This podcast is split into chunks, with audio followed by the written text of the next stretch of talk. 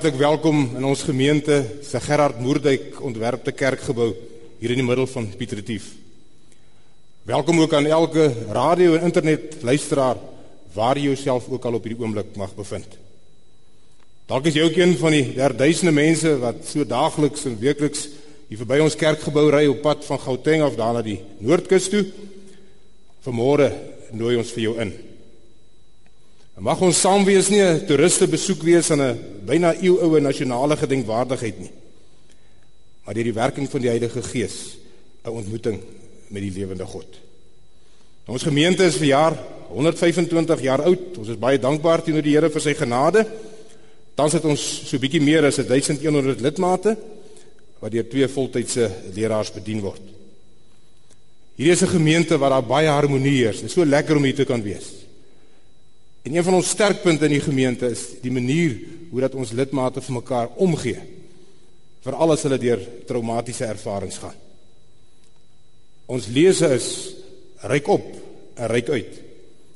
Want ons leef mos nie vir onsself nie. Die tema van ons diens kom vanoggend uit Jesaja 38 vers 15 en vers 16. Dit handel oor die feit dat God dit vir gelowiges moontlik maak om ten spyte van terugslag en teleurstellings nog steeds sinvol en met innerlike blydskap te kan lewe. Genade en vrede vir jou van God ons Vader en van Jesus Christus wat homself vir ons sondes gegee het om ons te verlos van hierdie goddelose wêreld en so die wil van God ons Vader te volbring. Amen. Kom ons loof nou die Here met die sing van lied 209. Heer met my hele hart.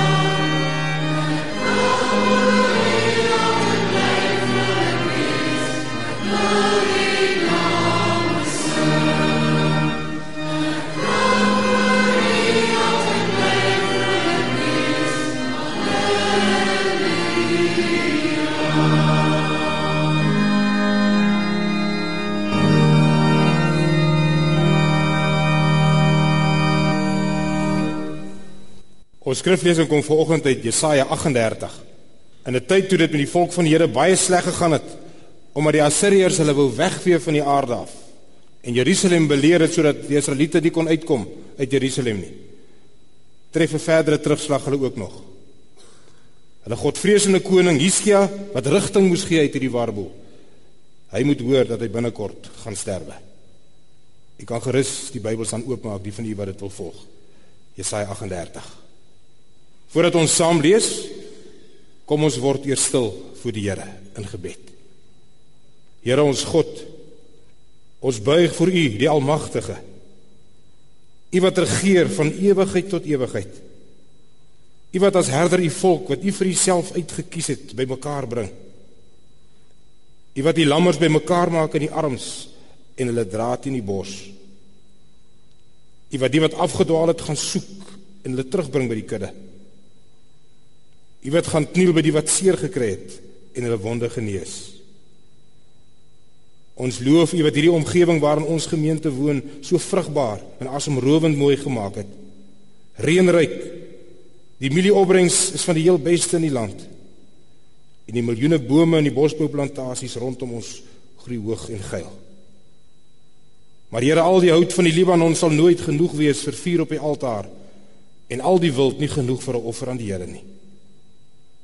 O Heilige Gees, help ons om vanmôre ons vreugde in U woord te vind en dit dan dag na dag te oordink. Gee dat ons sal wees soos 'n boom wat by waterstrome geplant is, wat op die regte tyd vrugte dra, waarvan die blare nie verdroog nie, omdat ons nie die hitte voel nie en 'n droë jaar ons nie meer raak nie. Ons wil ons wortels na die stroom toe uitstoot want by U alleen is die water van die lewe. Ons betuig en vra dit alles in die naam van Jesus Christus wat al ons hout op sy skouers gedra het. Amen. Jesaja 38 vers 1 tot 22. In die tyd, met ander woorde in 'n tyd van stadkundige problematiek, het Hiskia ernstig siek geword. Die profeet Jesaja seun van Amos het na hom toe gekom en gesê: "So sê die Here: Sê vir jou gesin wat jou laaste wense is, want jy gaan sterf. Jy sal nie langer lewe nie." Toe draai Hiskia sy gesig na die muur toe en hy bid tot die Here: "Ag Here, neem tog in ag dat ek vir U in trou en met volle oorgawe geleef het en dat ek gedoen het wat reg is in U oë." Hiskia het bitterlik gehuil. Die Here het toe vir Jesaja gesê: "Gaan sê vir Hiskia: So sê die Here, die God van jou voorvader Dawid: Ek het jou gebed verhoor. Ek het jou trane gesien. Ek sal jou lewe met 15 jaar verleng en jou en die stad red uit die mag van die koning van Assirië. Ek sal die stad beskerm.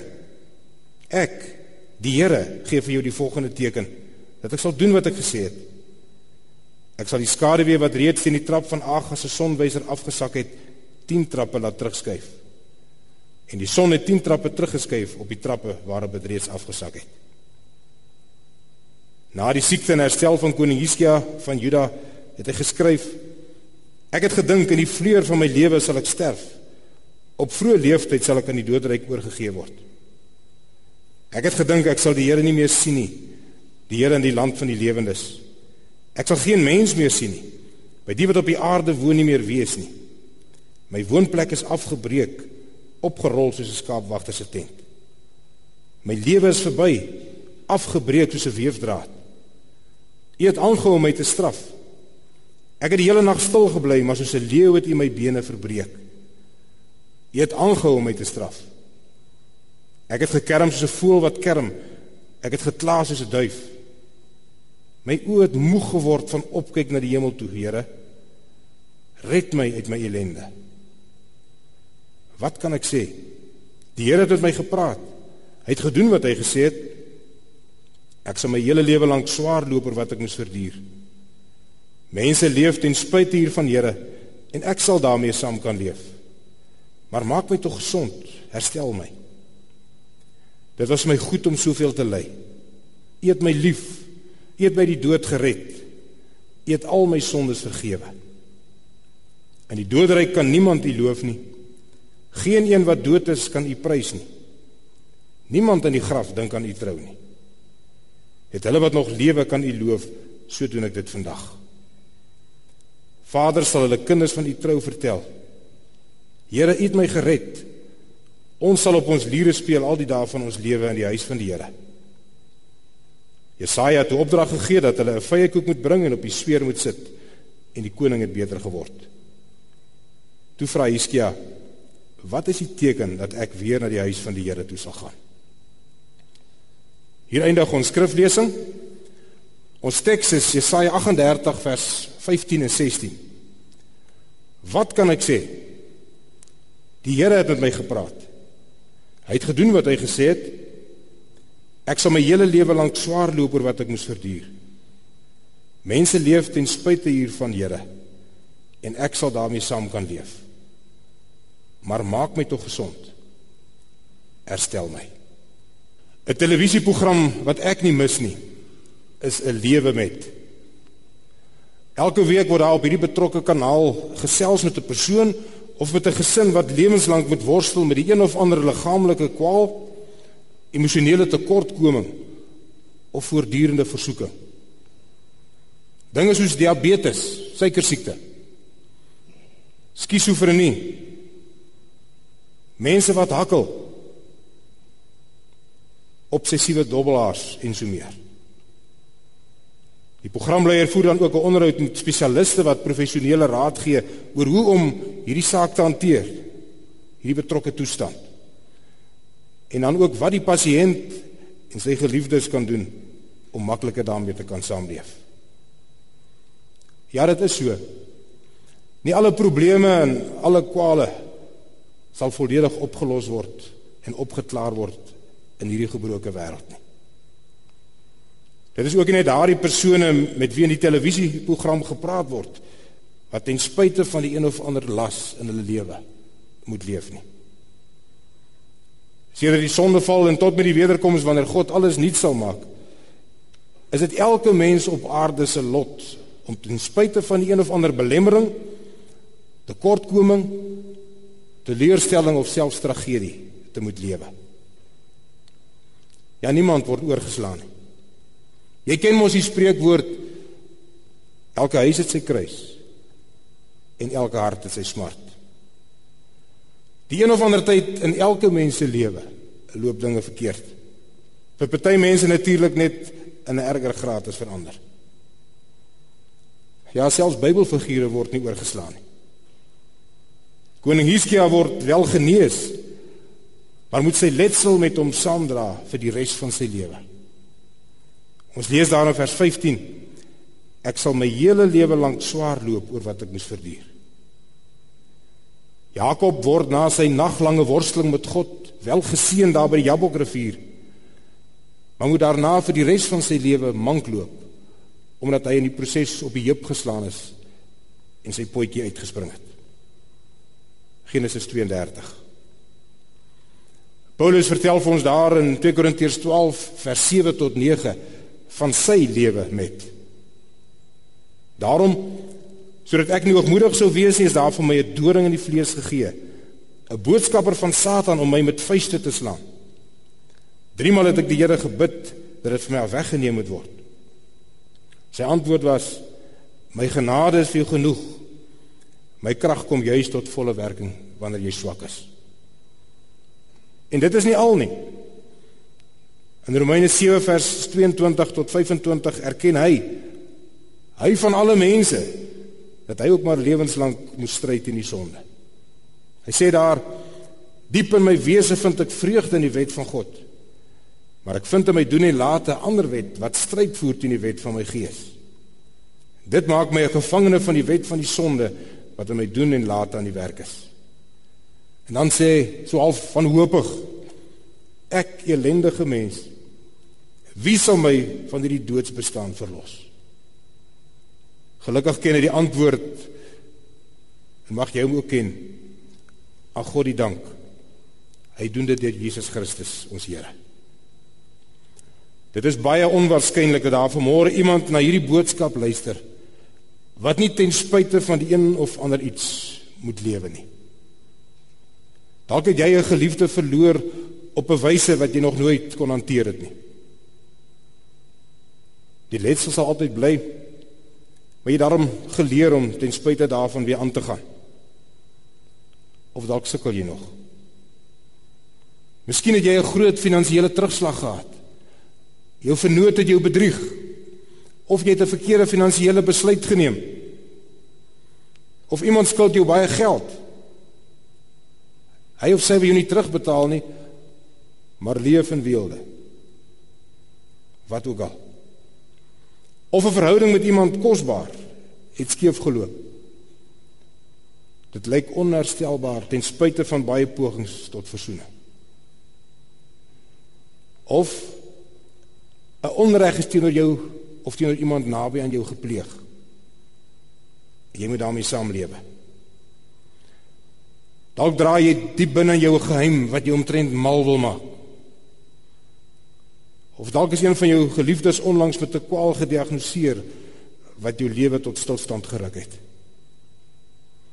Dalk is jy gebore met 'n defek wat kort kort in jou familie se gene uitslaan. Of sal jy na jou ongeluk of die aanval op jou nooit weer dieselfde mens wees nie. Jy sal vanmôre weet wat is daardie ten spyte van ding in jou lewe waarmee jou hele lewe lank sal moet saamleef. Jy sal weet wat is daardie gebeurtenis wat jou mank gelaat het. Al kan jy daarom sukkel sukkel aanbeweeg. Jy sal weet watter skokkende nuus jou genoop het om jou gesig ook na die muur toe te draai in 'n smeekkreet tot God. Ek het nie volgens al die antwoorde op jou lewensvrae nie. Trouwens ek verstaan ook nie altyd alles wat in my eie lewe gebeur nie. In ons geleesde gedeelte vind ek wel 'n paar belangrike wenke wat vir jou en vir my kan help met ons ten spyte van lewens. En dit vir ons makliker en sinvoller kan maak. Eerste wenk wat ek met jou wil deel, kry die regte perspektief rondom straf. Ons weet mos in die Ou Testament die mense terugslag gewoonlik as straf van God oor hulle sondes beleef. Nou soms was dit straf. Ons lees daar in Numeri 21 hoe dat God giftige slange gestuur het om die Israeliete te byt. Baie van hulle dood gegaan want hulle het gemurmureer omdat hulle woestynpad wat God vir hulle gekies het op pad na die beloofde land toe nie so gerieflik was soos wat hulle gedink het nie. Aan die ander kant dikwels het beproewing hoegenaamd niks met straf te doen. Ons dink maar aan Job. Sy vriende het hom verkeerdelik probeer wys maak dat al sy swaarkry die gevolg was van iets wat hy verkeerd gedoen het. Terwyl ons uit Job 1 kan aflei dit was nie so nie. Want in Job 1 lees ons in die land is was daar 'n man met die naam Job, hy was regverdig. Hy het God gedien en het die kwaad vermy. En dan mense wat ons dit nie van sou verwag het nie, het ook so geredeneer. Ja, selfs die disippels van Jesus, hulle het in Johannes 9 gewonder of daardie blindgebore man blind was as gevolg van sy eie sonde of as gevolg van die sonde van sy ouers. Gelukkig het Jesus hulle reg gehelp. Hy het vir hulle gesê sy blindheid het niks met straf te doen nie. Niemand se straf nie. Niemand se sonde nie. Soms is Jesaja 59 vers 1 en vers 2 wel van toepassing. Ons lees daar die arm van die Here is nie te kort om te help nie en sy oor is nie te doof om te hoor nie. Dit is julle oortreding wat skeiding gebring het tussen julle en julle God. Dit is julle sondes wat maak dat hy hom nie aan julle steur nie en nie na julle wil luister nie. Dis verskillende perspektiewe rondom straf. Wat ek vanmôre vir jou wil sê is is egter baie riskant om raai raai te speel. Veral wanneer jy swaar kry. Wanneer is dit nou straf en wanneer is dit nie straf nie? Party gelowiges se hele teologiese denkskema draai rondom hierdie konsepte van straf en seën. Party mense sal wanneer hulle pap wil kry, sommer dadelik dink dis omdat ek net nou meer geld gegee het vir die bedelaar nie. Iemand wat so redeneer maak dit vir homself of vir haarself 10 maal moeiliker. Ja, jy kan dit selfs ondraaglik swaar maak vir jouself. Gaan lees maar die ondervinding van Asaf in Psalm 73. Hy het ook met hierdie skema probeer werk tot op 'n punt het dit vir hom uitgewerk en toe raak dit glad nie meer vir hom sinvol nie. Hy het homself in 'n gat ingeredeneer. Ook Hiskia het op 'n stadium sy siekte verkeerdelik as straf van God beleef. In vers 12 en 13 sê hy: My lewe is verby, afgebreek soos 'n weefdraad. U het aangehou om my te straf. Ek het die hele nag stil gebly, maar soos 'n leeu het u my bene verbreek. U het aangehou om my te straf. Gelukkig breek die waarheid in vers 17 vir hom aan en vir hom deur wanneer hy sê dit was vir my goed om soveel te ly. U het my lief, nie meer u straf my nie, u het my lief. U het my die dood gered. U het al my sondes vergewe. En ek en jy, ons wat in die Nuwe Testamentiese era lewe, behoort hierdie troos mos nog meer ter harte te neem. Jesus Christus het die straf op ons sondes, ja op al ons sondes, mos klaar op homself geneem. Volledig. Daarom was sy laaste woord voordat hy gesterf het. Dit is volbring. Dit te lestai. Ons ken almal Johannes 3 vers 16. Maar weet jy wat in die volgende vers staan? So troosryk. Johannes 3 vers 17. God het nie sy seun na die wêreld toe gestuur om die wêreld te veroordeel nie, maar sodat die wêreld deur hom gered kan word. Veel mense sê die idee van God is hierdie een wat net almekaar straf. Ek en ek hoop ook jy het God leer ken as die een wat die wêreld liefhet, wil red, wil help. As jou perspektief rondom jou terugslag in die lewe verkeerd is in hierdie opsig, as jy dit as straf gaan beleef, gaan jy ekstra sukkel. Die tweede wenk: benut die groei geleenthede wat skuil in jou lewenskrisisse.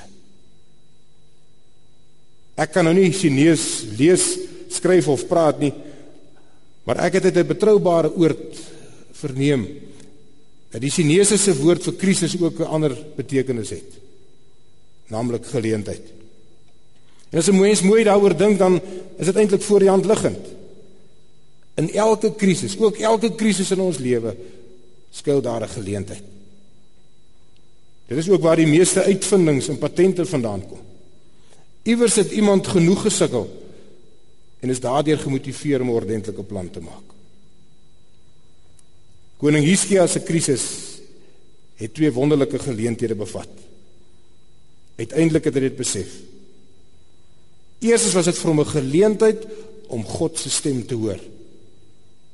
In vers 15 staan: Wat kan ek sê? Die Here het met my gepraat. Dit was egter ook 'n geleentheid om sy verhouding met God te verdiep. In vers 22 na al sy op en af ervarings en ervarings vra Hiskia: Wat is die teken dat ek weer na die huis van die Here toe sal gaan? Ek en jy ken mense wat presies die teenoorgestelde rigting ingegaan het tydens hulle swaar kry. Hulle wou daarna niks meer met God te doen gehad het nie. Ek sal my voete nie weer in die kerk sit nie want God het my nie gehelp nie. Daardeur maak jy nie vir God seer nie. Jy benadeel net jouself.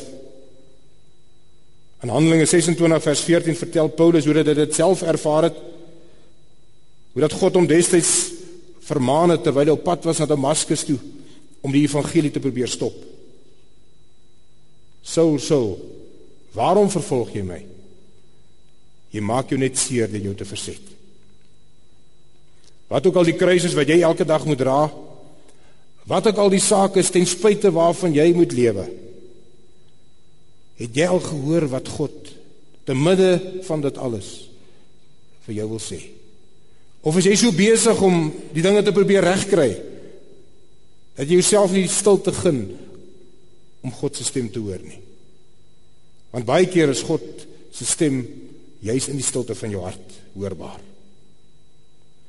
Nader jy ten spyte daarvan tot God. Het jy al die geleentheid ontdek wat voortvloei uit jou krisis? Dalk het jy ver oggend onbepland ingeskakel Wil jy lankal nie meer kerk toe gaan nie? Mag jou nuwe voorneme dieselfde wees as Hiskia se. Daar in die laaste vers.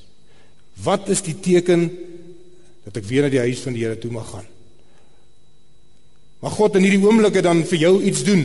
Al gee nie vir jou 'n teken wat jy kan sien nie. Mag hy in jou hart vir jou weer honger maak om juis te midde van jou krisis by hom uit te kom. En dan die derde wenk doen jou deel. Dit is baie belangrik dat 'n mens daardie dinge wat nooit sal verander nie, maar uiteindelik sal aanvaar, soos die dood. Maar wat van daardie dinge wat in jare nog nie reg gekom het nie? Daardie dinge waarmee jy by die spesialiste geboer het. Miskien daardie slegte gewoonte wat al hoe lank jou lewensvreugde of die van jou gesin verwoes.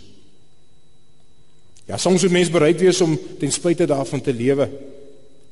Maar nie voordat jy alles in jou vermoë gedoen het om dit te verander nie. En die eerste ding wat 'n mens kan doen is om te besef dat niks by God onmoontlik is nie. Niks is buitengewoon vir die Here nie. Toe Hiskia die opdrag kry om sy laaste wense uit te spreek omdat hy binnekort sou sterf. En hoe finaal het dit nie geklink dit wat Jesaja vir hom gesê het nie. Het hy sy gesig na die muur toe gedraai en vir God om genade gesmeek. Vers 1 tot 3. En God was hom toe ook baie genadig. In vers 4 tot 6 lees ons die Here toe vir Jesaja gesê: "Gaan sê vir Hiskia: So sê die Here, die God van jou voorvader Dawid: Ek het jou gebed verhoor. Ek het jou trane gesien, wat my amper dink aan dit wat Moses beleef het by die brandende doringbos en wat God daar vir hom gesê het. Ek sê jou lewe met 15 jaar verleng, sê vir Hiskia, en jou en die stad red uit die mag van die koning van Assirië ek sal die stad beskerm. Ja, en toe kry Hiskia sommer ook nog 'n bonus. Sy politieke kopseer word ook terselfdertyd opgelos.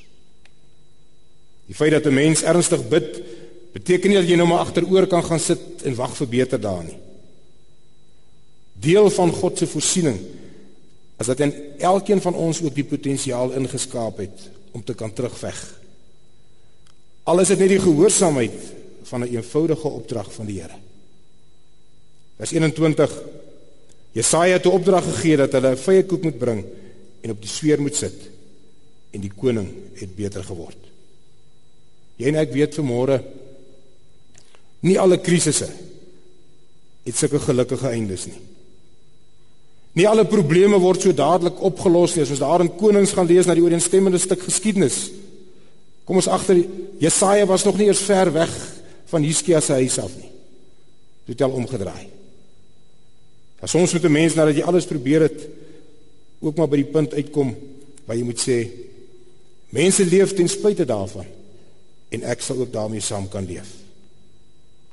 Maar die een ding wat ek vir jou vra waarvan jy asseblief altyd moet wegbly is selfbejammering.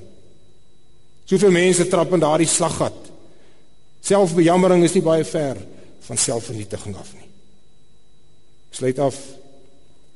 Ons hoef nie net TV te kyk om te sien dat daar mense is wat ten spyte van lewens moet leef nie. In elke dorp en stad in hierdie land is daar persone wat vir mense inspirasie is. Mense wat ten spyte van 'n liggaamsgebrek 'n reeks ernstige rampe wat hulle getref het, die lewenslange gevolge van 'n misstap wat hulle begaan het. Mank mank maar met innerlike blydskap en met lewende hoop agter Jesus aanloop. Ek en jy ken ook soveel sulke mense wat al vir ons 'n inspirasie en 'n voorbeeld was. Daarom staan vanoggend op by jou kruis en bly Jesus volg. Al het jy nie 'n teken gekry dat jou omstandighede gaan verander nie. En al het God nie die son 10 trappe vir jou laat terugskuif nie. Onthou Hy het vir ons veel meer as dit gedoen. Jesus Christus het sy ons lyding op hom geneem. Ons siektes die straf op ons wetsoortreding. Dit het hy gedra. Nie net vir 15 jaar nie, maar tot in alle ewigheid. Amen. Ons wonderlike liefdevolle God Ons kom buig ook in aanbidding vir U vanmôre. Here, ek self het op 'n stadium my gesig na die muur toe gedraai. En dankie dat U oor nie doof was nie. En die arm nie kort was nie. Daarom kan ek vanmôre met vrymoedigheid ook elke persoon aan U sorg kom toevertrou. Hulle wat voel my woonplek is afgebreek, opgerol soos 'n skaapwagter se tent. My lewe is verby. Soos 'n weefdraad is dit afgeknip. Hulle wat voel my oë is moeg van opkyk na die hemel. Here my gebed is dat hulle vir oomblik stil sal word. Dat hulle u stem sal hoor. Dat hulle weer sal besef God is nie hier om my te straf nie. God het my lief. Here help vir daardie persoon om weer op die lier te kan speel elke dag van sy of haar lewe. Daar waar hulle woon, maar ook in die huis van die Here. Dankie dat ons nog meer gelukkig kan wees as Hiskia. Nog meer seker kan wees dat U die lewende God is. Want U het opgestaan Jesus Christus. En ons kan leef saam met U. U wat die eersteling is uit die dood. Amen. Ons antwoord op die woordverkondiging is Vlamlied nommer 34. Is so lief vir hierdie vlamliedere ook, so saam met ons liedboekliedere. Die lied daarom.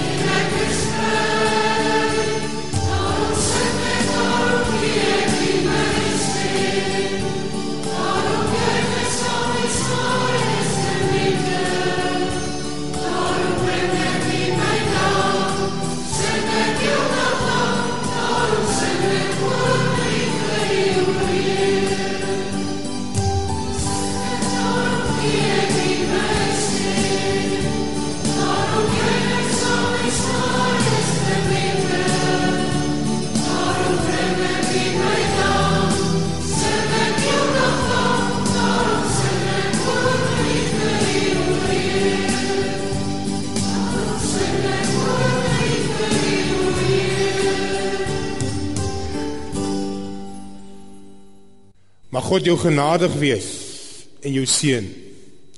Mag hy tot jou redding verskyn sodat sy dade oor die wêreld heen bekend mag wees. Sy reddende krag onder alle nasies.